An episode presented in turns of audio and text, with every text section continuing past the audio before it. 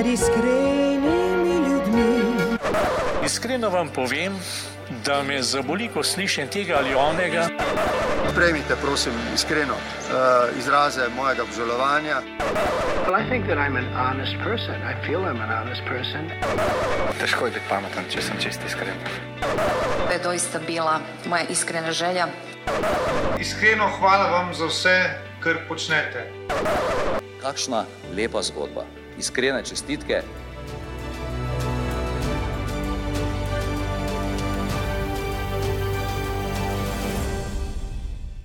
Spoštovane poslušalke in spoštovani poslušalci, prisrčno dobrodošli v novi oddaji najbolj iskrenega podcasta. Zdaj, po temperaturah, sodeč, smo že pošteno zakorakali v poletje, obenem pa bližajoči se poletni utrip nakazujejo tudi vedno bolj pogoste gneče in zastoji na slovenskih cestah. Moje ime je Dušan Poslek in danes v moji družbi pozdravljam Roberta Štabo, predsednika Zavoda Varna pot. Zdaj, jaz verjamem, da je velika večina od vas za ta zavod že slišala, zato je moj namen danes, da se z Robertom spremenimo prehodiva še malo dlje nazaj v preteklost, spregovoriva tudi o tem, kaj vse je spremljalo ustanovitev tega zavoda, tudi njegovo uh, osebno izkušnjo. Tako da, Robert, pozdravljeni in dobrodošli v najbolj iskrenem podkastu. Lep pozdrav vam in seveda vašim poslušalcem.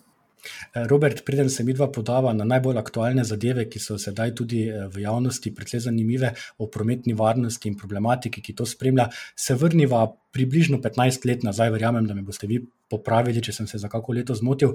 Zdaj, ko sem vas jaz pred dnevi prvič slišal predavati na eni izmed delavnic, ste svoj nastop začeli eh, z zelo iskreno osebno izkušnjo. Pa da jaz preveč ne povem, vas povabim, da najnim poslušalcem na kratko razložite, kakšne so bile te okoliščine, ki so se odvile tik pred ustanovitvijo uh, Zavoda Varna pot. Ja, bom rekel, na nek način uh, je, gre za novost, rekel, v tem vzhodnem bloku Evrope, v zahodnem, kjer pa so organizacije za pomoč in podporo žrtvam prometnih nesreč stare že 60-70 let, pa ne gre za nekakršno novost. Tisto, kar je zagotovo, uh, bom rekel, na nek način specifika, je, da so vse to vrstne organizacije nastale nekako iz osebne zgodbe nekega pobudnika in to je največkrat povezano z kakimi tragičnimi zgodbami ali pa s hudimi posledicami prometnih nesreč. No, tudi v mojem primeru je bilo pač tako. Je pa, bom rekel, zanimivo to, da sem bil profesionalc na področju varnosti v cestnem prometu. Delal sem v državni upravi na mestu sekretarja ki mu je bilo zaupano točno to področje varnosti. No, in ko je 23. aprila 2007 uh, bil prvi Evropski dan varnosti na cestah, mi je pijan voznik brez izpita z neregistriranim avtomobilom povozil 12 let staro hčerko uh, Nejo na šolski poti iz enega izleta. Um, zadobila je hude telesne uh, poškodbe, velik zlomov, poškodbe glave. Verjetnost, bom rekel, da preživi, oziroma da ne bo zavedno zaznamovala tudi uh, fizično in psihično, je bila zelo, zelo uh, minimalna, vendar se je v življenju potem skozi zdravljenje vse obrnilo na glavo v pozitivno smer. Danes je dekle staro 27 let, ima čudovito službo, srečno, veselo, zdravo.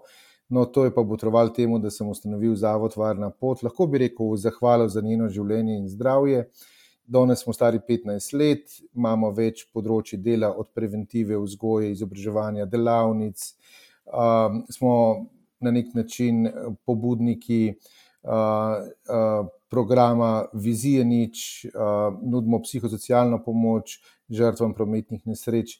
Zelo na kratko smo pa srčni, vemo, kaj je življenje, vemo, kako se mu zahvaliti in vemo, kaj pomeni tragika in opolnomočiti ljudi, ki so zaznamovani s posledicami. Tako mogoče na kratko. Super, ja, bova se k samemu uh, zavodu še malo kasneje vrnila. Uh, vas želim vseeno na začetku še malo mogoče uh, izvati tudi za to vašo osebno izkušnjo, ker vem, da naši poslušalci um, radi prisluhnejo tem uh, nagovarjajočim se izkušnjam in zgodbam, ki spreminjajo tudi uh, srca drugih. Ne. Zdaj, ko ste vi uh, prvič uh, govorili o tej izkušnji, ko sem jaz slišal, se spomnim, uh, kako zelo iskreno ste povedali tudi, um, da je vaša hčerka, hčera, hčera bila tik pred tem, da jo v bolnišnici tudi odklopijo iz aparatov, ki so jo držali pri življenju. Nam lahko malo opišete te trenutke v bolnišnici, tudi z duhovnikom, imate tam zanimivo izkušnjo. ja, zato na nek način smo družina, ki ni bila ravno verna. No, in v vseh teh kritičnih situacijah, kadar um, nekdo tvojih bližnjih niha med življenjem in smrtjo, um, imajo v bolnišnicah tudi tako imenovano duhovno oskrbo, in klinični center v Ljubljani je to imel. No, in moram reči, da v teh trenutkih, ko je otrok v komi, ko tako ali tako, bom rekel, starši, bližnji, uh, najbrž so šolci, učitelji, vsi živijo s tem otrokom. Uh, in ne spiš 24 ur na dan, je vsaka minuta celo leto, bom rekel. In ko um, ni nobenih pravih informacij, spodbudnih informacij, da gre kaj na bolje, in tako naprej, je to trpljenje, verjemite mi, še toliko uh, večje. In ko se, bom rekel, nekako zdravstveno stanje ne izboljšuje, in celo namiguje k temu, da se pripravimo lahko na najhujši vsak trenutek. Uh, je to tako zelo boleča izkušnja za bližnje. No, in uh, še bolj boleča pa je, ko zveš, da so ljudje, ki so nekako profesionalci ali pa zraven tvojega otroka, uh, v bolnišnico tudi poklicali duhovnika. Zdaj, po mojem vedenju, je bilo to nekako slovo, ne to je nekaj, kar je meni pomenilo to, da duhovnik da zadnje maziljenje pač tvojemu otroku. In verjemite mi, ko sem ga zagledal, sem bil čisto noč vesel, predvsem ga nisem niti povabil. Uh, vendar se je takrat res zgodilo nekaj nenavadnega, namreč deklica je imela res tako hude poškodbe, da nekega velikega upanja za njeno življenje ni bilo. No, in ta duhovnik je konstantno molil, molil, molil. In um, moj pogled, in tudi, bom rekel, še kakšna verbalna komunikacija je nakazovala na to, da bi bilo zelo fajn, da zgine s temi molitvami stran od tega otroka in iz tega oddelka. No, kasneje se je v začudenju vseh uh, pri njej začel dogajati um, nek, bom rekel, intenziven preobrat. Um, na mestu, da bi se ta otrok poslovil, je v njo prišlo, bom rekel, nazaj življenje.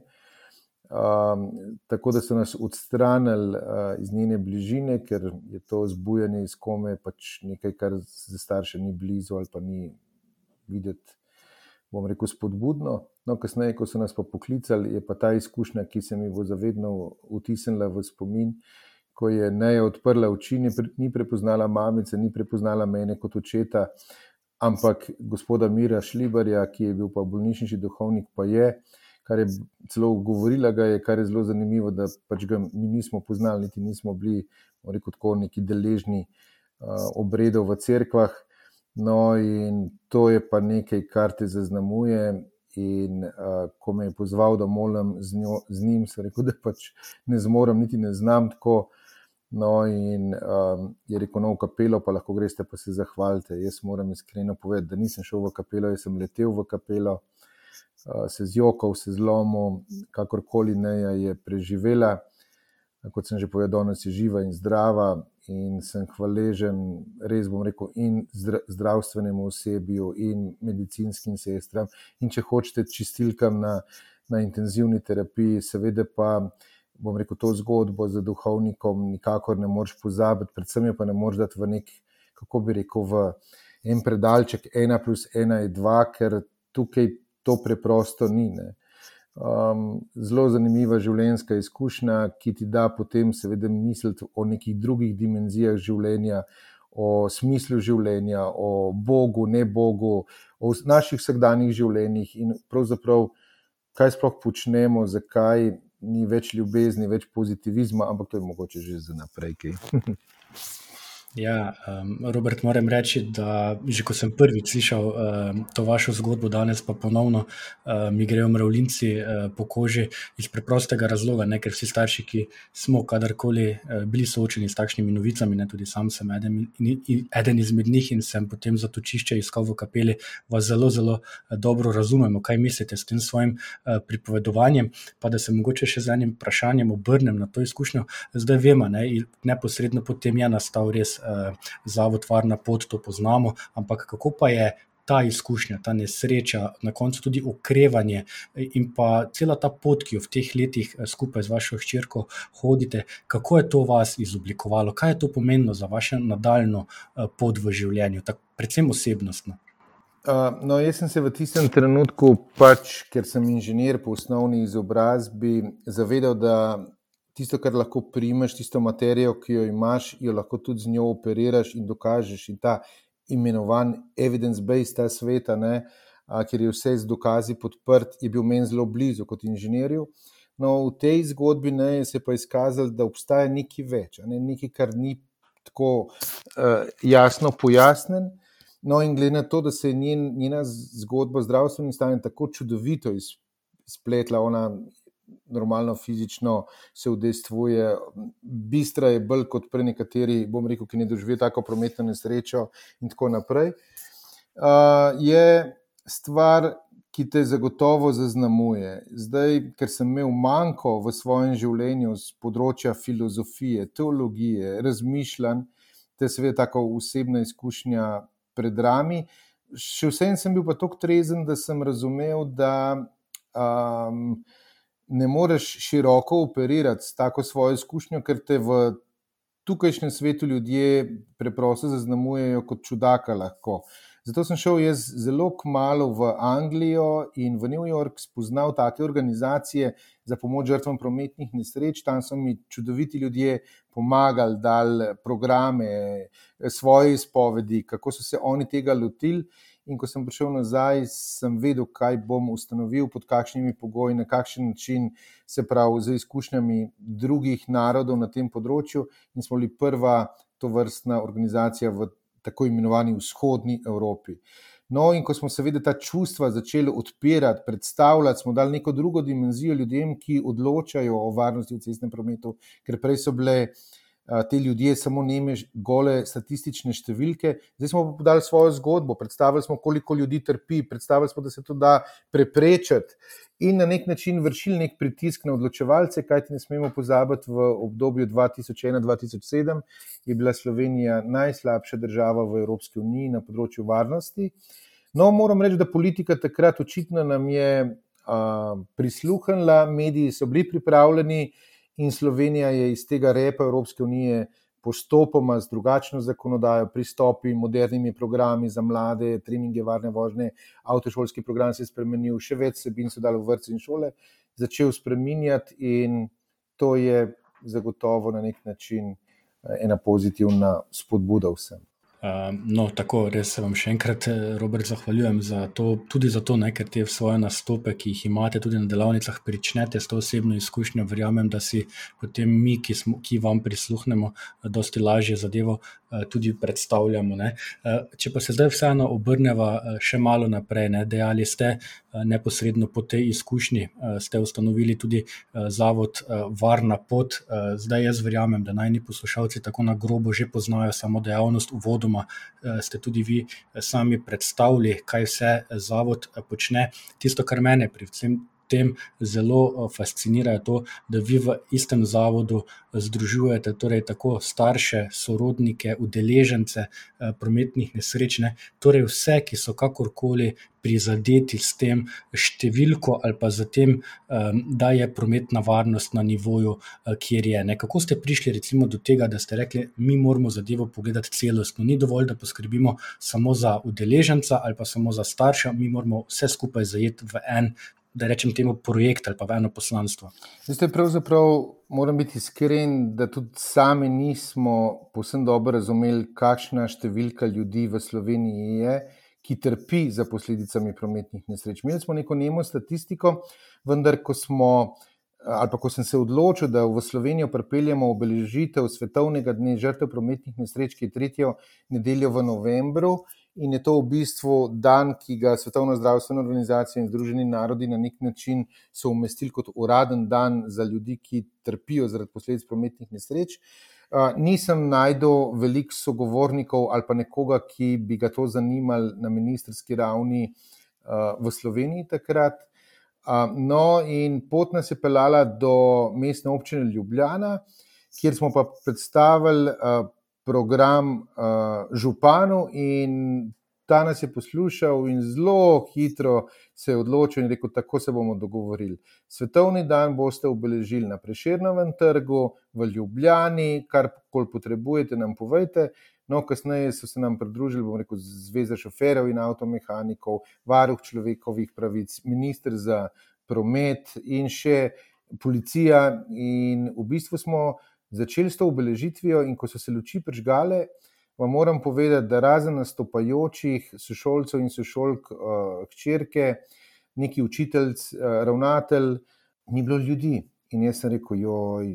Dobro, bomo evolucijsko, step by step, začeli um, v bistvu nekako se širiti.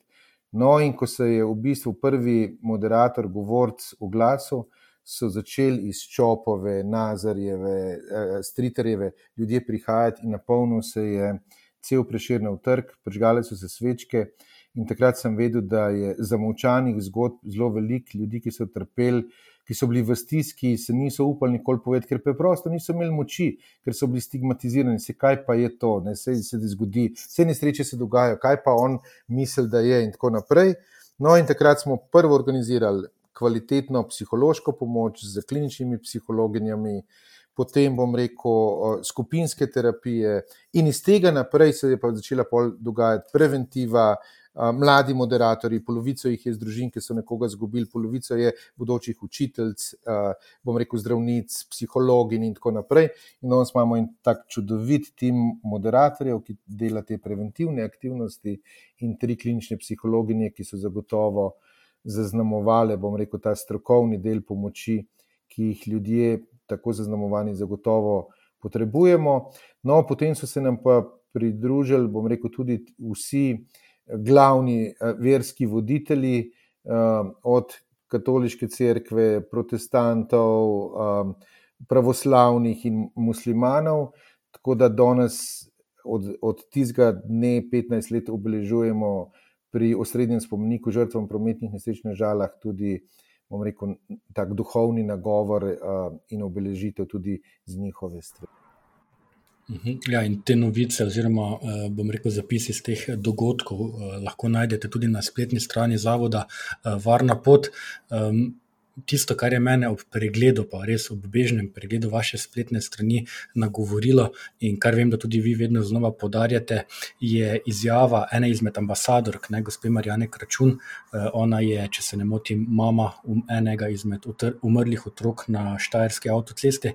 Um, ko je rekla v leta 2009, ne, ob obeležitvi svetovnega dneva spomina na žrtve prometnih nesreč, dejala takole: ne, Včeraj se je prometna nesreča pripetila njim, danes nam in ne želimo se, da bi se jutri pripetila vam.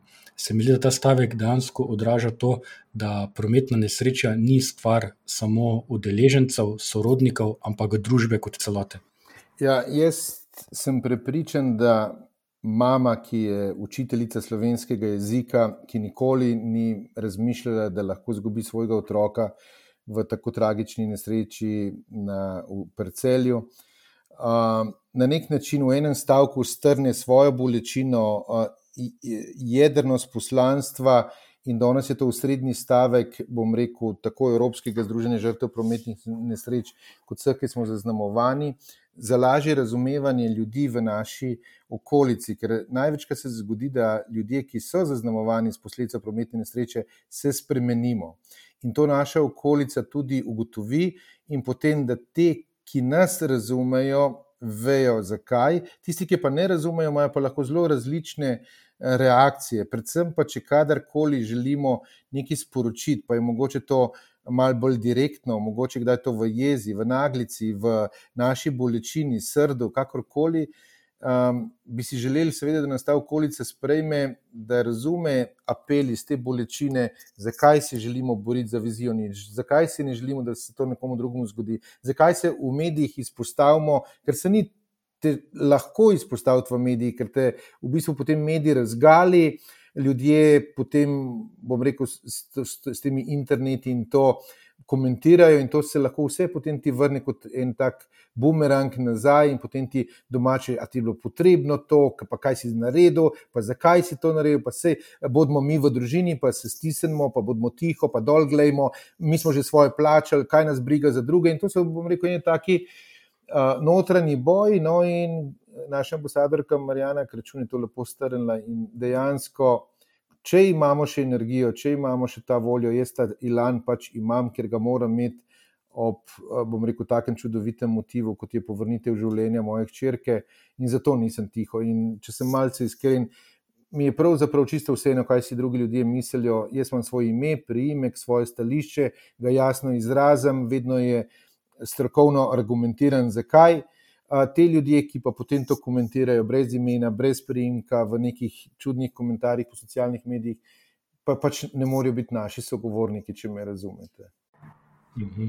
Ja, seveda. In ena izmed številk, ne še ena, ki je mene tudi nagovorila, ko smo se mi dva prvič srečala, takrat ste dejali, da ste v vseh teh letih pa me boste seveda popravili, če se motim, eh, pomagali na takšen in drugačen način približno 4500 eh, ljudem, tako kot ste sami sedaj omenili, z različnimi pristopi, eh, psihoterapijo in podobno.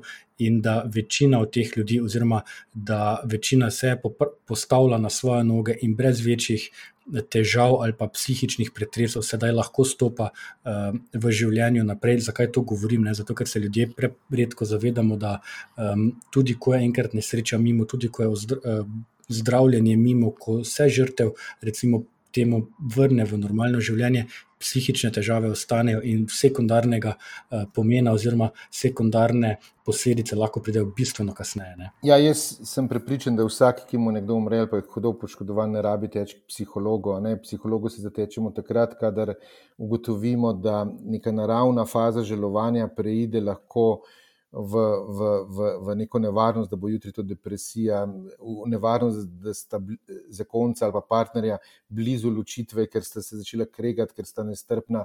Eh, nevarnost takrat, kadar ti gre v službi vsi neživce, z vsemi si sprt in tako naprej. To so potem že neki indici, ko je dobro poiskati pomoč pri strokovnjaku in ti takrat pomaga, te posluša, te vodi.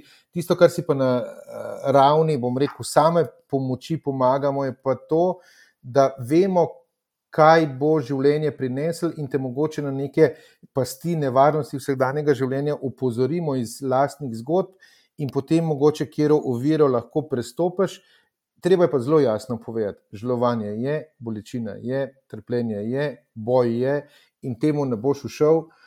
Zdaj je samo odvisno, ali boš zaradi te posledice pobil še vse okrog sebe, ali pa tisto, kar je pa za me najhuje, nekako v sebi to znegiral, ne obdelal in potem se ti to vrne čez 10, 15, 20 let. Take primere imamo, vendar nažalost moram pa povedati, da takrat je pa zelo težko, ker so še sporedne bolezni, rak, um, bom rekel, pritisk, uh, uh, depresije. To je pa potem že dosti težji zalogaj. Slovenci pa smo znani, da smo individualisti, smo zaprti, ne, ne želimo, bom rekel, nekako deliti svoje, svoje uh, travme ali pa izzive, ki jih imamo, in potem je to neka posledica. Ja, in ko se sedaj pogovarjava o projektih oziroma o pomoči, ki jo Zavod Varna pot nudi vsem, ki jo seveda pomoč pri vas, pri vas poiščajo, se pa želim dotakniti še enega drugega projekta, ali pa mogoče celo pre, projekt, slaba beseda, bo mogoče boljše, če rečem poslanstva. In to je to poslanstvo, živimo vizijo nič. Ne? Zdaj, vi boste kasneje malo pojasnili, kaj sploh to pomeni. Jaz na kratko samo povem, vizija nič pač pomeni um, nič smrtnih žrtev in nič hudo telesno poškodovanih oseb zaradi prometnih nezgod v Sloveniji. Zdaj, izmed vaših, v enem izmed vaših intervjujev sem prebral, da ko ste tudi vi prvič slišali za to vizijo. Mislim, da ste rekli, da je to nekaj, kar težko funkcionira. Oziroma, ko ste slišali predavanje, ste si dejali, ali so ti ljudje bebci ali pa ne razumejo, kaj je realno življenje. To govorim, mislim, da iz leta, da je to bilo v letu 2003. Ja. Zdaj, dejstvo je, da imamo mi v življenju lahko revolucijo, evolucijo in sami se bomo odločili, po kateri poti bomo šli. Jaz sem spoznal, da življenje je evolucija, je neka rast in pravi, super je, če gre to v neki pozitivni smeri. Seveda, ko sem slišal za to vizijo, nič, ki so jo nekako skandinavci podarili naši civilizaciji. Um, in malce pregledal strokovna mnenja, moram reči, da takrat nacija, kot je Nemčija, Francija, Velika Britanija, niso ploskali in so strokovnjaki rekli, da pač to ni mogoče, da to ne šteje, in tako naprej. Vendar 15 letih, ko so te isti skandinavci pokazali svoje rezultate, ki so v bistvu filozofijo, vizijo nič prenesli v vzgojo, v vrtce, v osnovne, srednje šole, na fakultete, v občine, v strokovne službe, ki se ustvarjajo, bom rekel, varno ali pa trajnostno mobilnost skandinavskih držav. So pa drugi gledali z zavistjo, namreč gre za spremembo lastnega jaza. Ne? Kaj sem jaz kot posameznik pripravljen storiti za večjo varnost pri sebi, prvo pri sebi in to je najpomembno, pri sebi, pri sebi, pri sebi, potem tam, kjer delam, tam, kjer živim, a, v okolju, in gre za filozofijo mojega daru širšemu občestvu, seveda pa tudi sepa. No, in to je pa zelo daleč od, bom rekel, um, neke druge filozofije, ki je govorila um, na nek način samo posameznik, je kriv za nastanek prometne nesreče, njegova ravnanja, obnašanja, ceste so super, avti so super. Če pa ti noriš, piješ, pa to si, si pa sam kriv. V filozofiji nič pa gre ugotavljati, zakaj imaš ti ta problem, da tako se obnašaš, ravnaš, kaj je na cestah narobe, ker ljudje delamo napake, da naredimo tako cesto, ki nas bo obvarovala hujših posledic, kaj lahko v avtomobilu naredimo, in tako naprej. No, in um, ko je slovenska komisarka Violeta Bulc, evropska komisarka, no, ugotovila, da to sodi v njeno področje, da na evropskih cestah umre 20 tisoč ljudi, da imamo to vizijo, to urodje imamo, je na Malti. Uh, na nek način leta 2017 zavezala vse ministre za promet in s tem tudi Slovenijo, da postavimo to vizijo nič v elementarno izhodišče um, vseh aktivnosti, vseh upletenih. No, in um, potre, potem je pa iz tega papirja potrebno dati dušo. Zdaj, zanimivo je, da so te njej, njeni viziji in te, te, temu njenemu naporu leta 2020 v Štokholmu sledili Združeni narodi, Svetovna zdravstvena organizacija in zdaj sta dva osnovna cilja do leta 2030 prepolovič število umrlih in hudotelesno poškodovanih, ter do 2050 dosežeti vizijo nič. To, da ljudje dvomijo, da rečejo, uh, nesreče se bojo vedno dogajale, pa se bo, to je super, to je krasno, to pomeni, da razmišljajo, da se jih je to dotaknil in zdaj, ko se jih pa dotaknil, bojo pa potrebovali malo več informacij, malo več znanja, malo več dojemanja, da je ključ uspeha v njih, v vsakem od nas. Kot posamezniku, za naprej, ne v drugih, skazanem, ta ni naredil to, ta dela tako. Dajmo pogledati prvo vase, pa dati svoj, svoj bi rekel, doprinos. Nekaj ste zdaj že sami omenili, ne? ko rečete, da ljudje, ko omenite vizijo, nič, nič malo zavijajo z očmi, da se tako izrazim. Ne? Ampak jaz imam pri vas občutek, ko vas nekdo skuša malo, bom uporabil izraz, sprovocirati, pa reče: Ne, to je nemogoče. Ukvarjaš se s stvarjo, ki je neizvedljiva, mešaš me, meglo tam, kjer je ni, ne? pa sem res zdaj skrajen v svoji primerjavi, ampak vas to še bolj motivira. Zakaj? Je zaradi tega, ker sem sam neveren Tomaš, ker sem sam inženir, sam potrebujem dokaze, sam pač tak sem, zdaj to ne vem, ali je to karakterno ali tako pač v življenju. No, in ko ti nasprot pride toliko čudovitih, krasnih ljudi, ki jih je meni, ki to udejanjajo. Ko, ko vidim statistiko Nizozemske, Velike Britanije, zdaj če hočete Italije, Francije, vseh teh držav, ki delajo napredek, ki so to implementirale, je to zagotovo, bom rekel, na nek način en velik, velik, velik motiv. Eh, da to zmoremo tudi pri nas. In moja velika želja je, in ne razumem, zakaj se Slovenija bi mogla vedno vrteti nekje na repu držav Evropske unije, ko so pa velike nacije tako uspešne in dva milijona slovencev eh, bi z lahkoto pri znanju, talentih, možnostih postala najbolj varna evropska država. In to je en cilj, za katerega bi dal vse, ker sam vem, kako sem vesel, da danes lahko objamem svojo hči, svoje otroke in da smo tukaj in zdaj in živimo to življenje. To je nekaj neprecenljivega. Mhm, zdaj v svojih eh, besedah eh, večkrat eh, tudi malo ošvrknete politiko. Zdaj sami ste dejali in dali neke vrste priznanje, da med letoma 2001 in 2007 je politika sprejela ukrepe, ki so pomembno vplivali k zmanjšanju števila prometnih žrtev prometnih nesreč.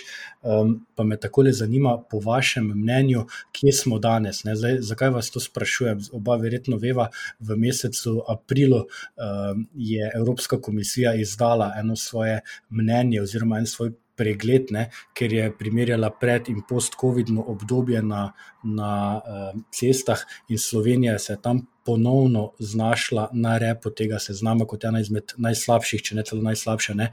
Um, je po vašem mnenju politika dovolj odločno zagrizla v to kislo jabolko?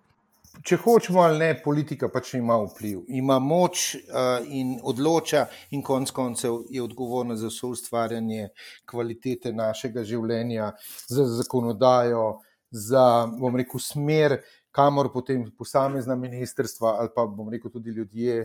Na nek način plujemo v tej državi.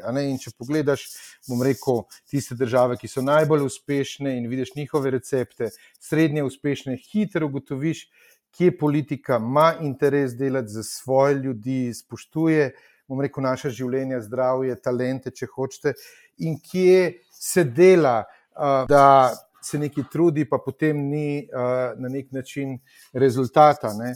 In zaradi, ravno zaradi tega. Uh, sem vedno, bom rekel, poskušam zelo jasno povedati, kako močno urodje imajo politiki.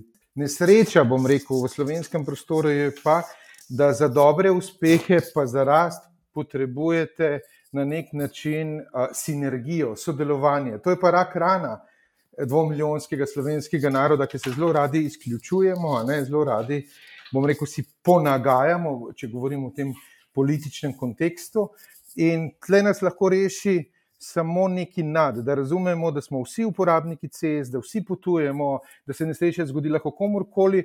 Ljudje, ki pridejo k nam, so različnih verskih, bom rekel, um, kako se reče, različnih verskih prepričanj, različnih socialnih statusov, različnih političnih prepričanj, vendar veste, kaj nas združuje. Kozarc vode, čaj, uh, podobna zgodba, pomaga drug drugemu in vsi pol, ko pomislimo intimno, kaj bi drugače spremenili, bi radi posredovali, bom rekel, nek nauk iz teh naših zgodb in to razločevanje, mi, vaši, naši, v varni mobilnosti, preprosto ne rodi rezultatov. In tisti politiki, ki se hvalijo, kakšne ukrepe so naredili, koliko to šteje, uporabljajo cel PR, tim, tebe pa Evropa vseh 28 ali 27 državah oceni kot najslabšega v treh letih, preprosto si moraš postaviti v gledalo in reči, da nekaj smo na robe naredili, a lahko popravimo te korake s tistimi, ki dejansko. Učinkujejo. Kaj pa pol politika rada naredi, in tle sem jaz potem ostar, ne želi dati jasnih kriterijev in meril, ki so merljive, brez merljivosti ni odgovornosti, in brez odgovornosti je kaos, in potem, seveda, rezultat tak, nažalost, kot je. Ko pa daš, seveda, merljive ukrepe, pa je jasna odgovornost in potem tudi človeka, ki je odgovoren v državi za ta področje, pokličeš in rečeš, dragi moj kolega, rezultatov ni, kaj bomo mi naredili. Ne? In ta ti more zdeklamirati recept, ki je znan. V Evropi je zelo to znan, to ni zdaj neki potrebno biti velik strokovnjak, verjemite mi. Sami pravite, ne, da je Slovenija v času COVID-a sprejela, bom spet kar malo tudi jaz ostre, pa rekel takole, samo bolj eh, kozmetične popravke naše zakonodaje, torej nekaj nižjih kazni. Če vlada je sedaj obvezna, mislim, da za električni skiro in pa tisto zavijanje eh, desno pri eh, rdeči luči. Ne. Obenem se pa še vedno soočamo z ogromnim problemom, za katerega sam osebno do vašega nastopa, nastopa niti nisem bil pozoren. In to je, da alkohol v Sloveniji uradno ni vzrok prometnih prometne nezgode. Ne. To je nekaj, kar je mene iskreno presenetilo. Dejansko alkohol je naveden lahko le kot sekundarni vzrok. Kaj je po vašem razlogu, zakaj si slovenci ne znamo naliti, pa spet uporabim ta izraz čistega vina, pa reči ne, alkohol je problem, alkohol povzroča smrti, povzroča tragedije. Uh, ne vem in ne razumem tisto teorijo, ki jo jaz slišim, je za me preveč absurdna in pokvarjena, da podatek, ki ga ima Ministrstvo za zdravje in NIJZ, da v Sloveniji živi približno 200 tisoč uh, uživalcev alkohola, ki prekomerno uživajo ta alkohol, in to je neka volilna masa, ki potem nam diktira.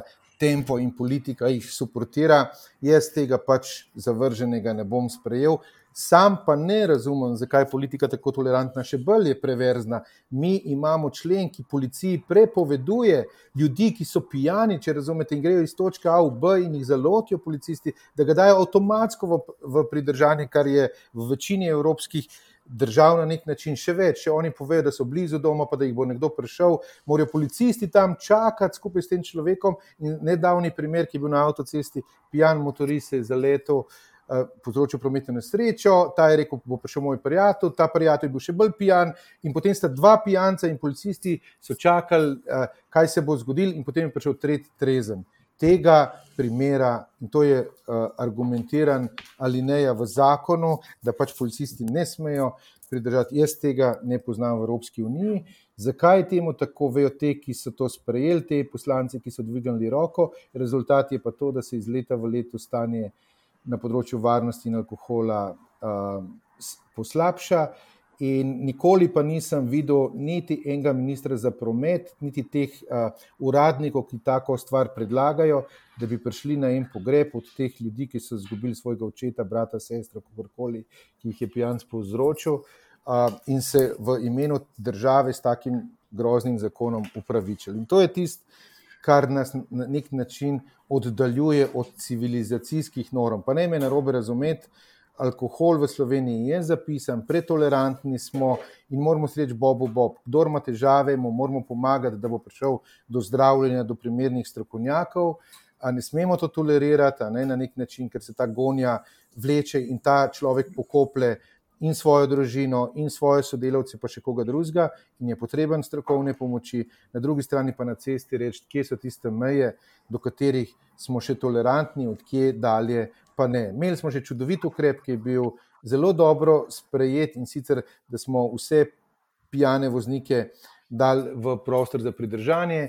In vam moram povedati, da je bil ukrep čudovit, ker so nenadoma veliki direktori, pomembni ljudje pristali v prostorih za pridržanje, seveda se potem izmotavali.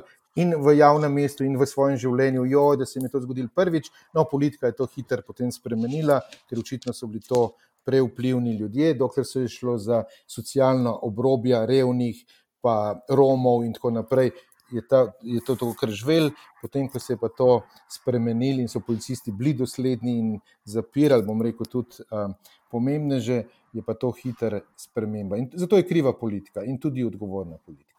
In na koncu spet prideva do, lahko do skupnega zaključka, da je politika tista, ki bo morala uh, sprejeti uh, načrt, kako naprej, ne, ne samo na papirju, ampak predvsem pri dejanjih. Ne. Ja, zagotovo, zdaj kdorkoli in to je, bom rekel, nek zagotovo lahko tudi plus, um, da ministri, eni, drugi in tretji, ne glede na resor, potujejo v Evropo, kjer podajajo, uh, bom rekel, neke ocene in na področju alkohola in hitrosti, ker ne želimo narediti, bom rekel, korektnega reda, um, lahko zelo, zelo uh, uh, zardevajo. Sem pa vesel, da posod ni tako na Ministrstvu za zdravje.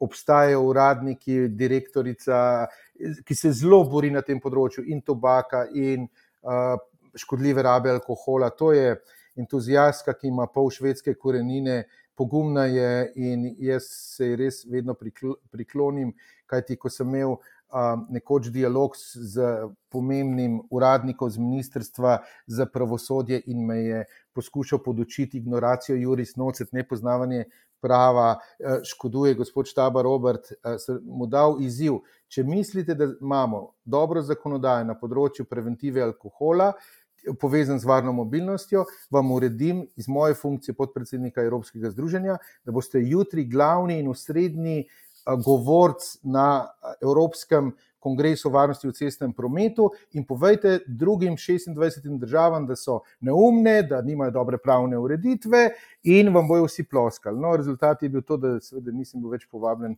na pogovore k njim. Um, on pa ni prišel nikoli v Evropo predstaviti svojega čudovitega modela in ignoracija Juris Noceta, ne, kar v prevodu pomeni nepoznavanje prava škoduje, njemu pa manjka zagotovo med noga marsikaj, da bi to lahko predstavil celotni Evropi in prepričal njih, da ima on prav. Tako, mal sem jezen, ampak uh, tako to je.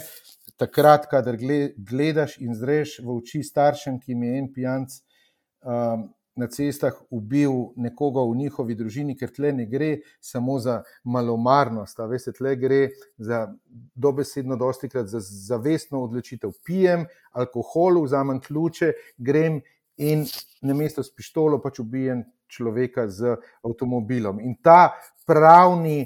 Uh, preskok v razumevanju ne, je pri drogah in alkoholu zelo jasen, kaj ti sicer pravo povozi tako medicino, uh, kot psihologijo, kjer je zelo jasno povedan alkohol, prepovedane droge in substance in vožnja ne grejo skupaj. V takem primeru si dobesedno v drugem svetu in potem delaš bedarije in cena bedarij je smrt ali pa huda poškodba. Ja, rekli ste, da ste jezni, ne? nekako razumem eh, to vašo jezo, ampak ob enem pa me žalosti samo dejstvo, ne? da recimo vam, eh, kot očetu z izkušnjo skorajšnje smrti hčere, ravno zaradi teh okoliščin, o katerih smo zdaj govorili, dejansko vi ne potrebujete nobenih predpisov, zakonodajnih ukrepov, nobenih navodil. In česar koli, ne iz Slovenije, ne iz Evrope, ampak veste, eh, kaj in kako je prav, kaj bi bilo dobro doseči. Ne? Ampak vseeno, ne, mora biti realna in reči, da uh, je žalostno, predvsem to, ne, da v Sloveniji um, ti naši občutki ali pa vaši občutki, ki ste jih zdaj opisali, ne štejejo veliko, uh, tisti, ki pa lahko o tem odločajo, pa se res ravnajo samo po, po črki. Uh, Oziroma, po zakonodajnem eh, zapisu, in, bi, in, in nažalost je pač, je pač tako. Ne, tako če ravno se spremenja, ne, veste, če ravno se spremenja, ne, zdaj ravno tak intervju, mora biti, bo pomagal. Lejte, Če si vi predstavljate, da je v Sloveniji ogromno, recimo, gasilskih društv, ogromno veselic, tam se seveda pričakuje, da se bo tudi kaj spil, pa poveselil. Mi nismo proti temu, da se razumemo. Ne? In zelo sem hvaležen številnim organizatorjem ne, teh prireditev, ki povabijo naše moderatorje, naša akcija preventivna je čista, nula čista vest, kar pomeni, da naši moderatorji z osebno izkušnjo pridejo tja na kraj in v bistvu imajo alkoteste. In če ljudje želijo sprobati, preden grejo v promet, um, lahko. Bom rekel, pihajo in ugotovijo, da so preveč spili in ne grejo za volan. Pa to je največji uspeh za organizatorja prireditve, za udeležence, za družino, za družbo, za zaposlene, da ne govorim v bistvu takrat, ko naši moderatorji, kjer mu pijanemo, pa njegovi družbi, najdejo trezne in rečejo: Dajte poskrbeti za svojega prijatelja. In če smo na začetku se borili. Do organizatorjev, da bi nas povabili, no, zdaj vam moram iskreno povedati, da nas kličejo, si želijo to, in to se mi zdi napredek. Ne? In to se mi zdi, da ljudje razumejo to odgovornost in si tega ne želijo, in ne padajo več na te limance. Tako da jaz mislim, da bo tudi v politiku dozorel, da to ne bo standard, ki ga bomo mi tolerirali še naprej. Ne. Tako je, in vseh teh moderatorjih, ki zdaj vi omenjate, pa bom jaz samo za zaključek tega najnega eh, pogovora omenil tudi več kot 400 eh, moderatorjev, ne, ki z vašo pomočjo oziroma pod okriljem Zavoda Varna pot izvajo delavnice, predavanja tako po šolah, tako po vrtcih, po različnih organizacijah in to je tista pot, ki si jo želimo, torej osveščanje o tem, kaj bi bilo dobro in kaj to dobro lahko na koncu eh, tudi prinese. Gospod Robert Štaba, mogoče takole za, za začetek, naj pogovor je zdaj nekje približno 45 minut, ne, tako da bo počasi uh, zaključila, pa vseeno. Uh, Sprehodila sva se tam od vaše osebne izkušnje do dejavnosti zavoda, do vizije, nič, nič. Povejte mi, um, če postiva zdaj ob strani vizijo, nič, nič, za katero ste rekli, da boste seveda se borili in živeli za njo naprej. Kaj je vaša želja, tako recimo v obdobju petih let, ne, pa ne bom govoril o samo o statistiki, ampak kaj si želite, da bi se mogoče čez pet let, ko se bomo mi ponovno srečali na takšnem pogovoru, da bi lahko rekli, evo, v teh petih letih smo pa dosegli tole. Ja, ko se sprehajam, vozim, živim v Sloveniji, srečujem čudovite ljudi. In te ljudje so srčni, so pametni, so vizionari, so ljudje odločitev, so diplomatski, so politično različni, verski in tako naprej. In želel bi si, da bi nekako skupili skupaj in sebi, predvsem sebi, razumete, sami sebi dokazali, da zmoremo postati najbolj varna evropska država. To bi bil en tak moj res oseben, najbolj intimen cilj, za katerega se splača živeti in umreti. Kaj ti utrujen sem hoditi v tujino, se učiti, gledati, ploskati, ko se mi pa zdi, da naši strokovnjaki dosti krat bi lahko pre nekatere druge naučili, kar pomeni, da imamo vse možnosti, da to postanemo. In če bomo to postali, bomo tudi, seveda, imeli višji, višjo kvaliteto življenja, um, bomo rekel, tudi lepše medsebojne odnose, uh, predvsem pa bomo lepše in mirnejše živeli, in nas ne bo neki raz, razdvajali. In recepti za to obstajajo, so čisto znani, zdaj pa samo vprašanje.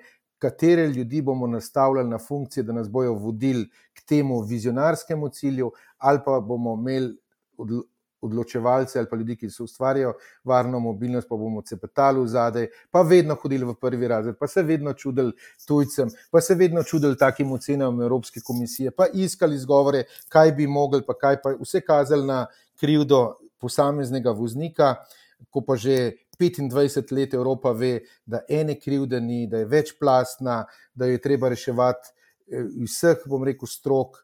To, to bi bil en tak moja želja, moj cilj in apel.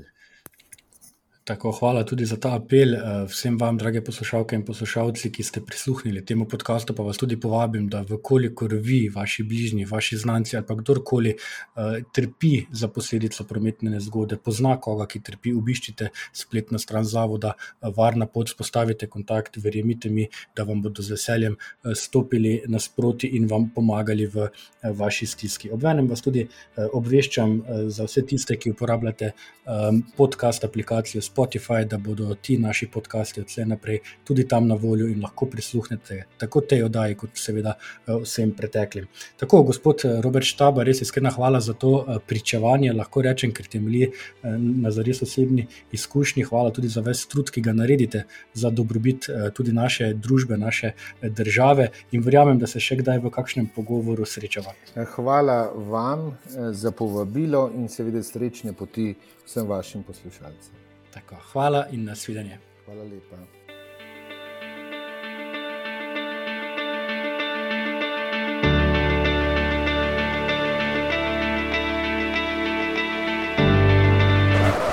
Med iskrenimi ljudmi. Iskreno vam povem, da me zaboli, ko slišim tega ali onega. Prejmite, prosim, iskreno uh, izraze mojega obžalovanja. Well, I think that I'm an honest person. I feel I'm an honest person. Težko je biti pameten, če sem čest iskren. To je doista bila moja iskrena želja. Iskreno hvala vam za vse, kar počnete. Kakšna lepa zgodba. Iskrene čestitke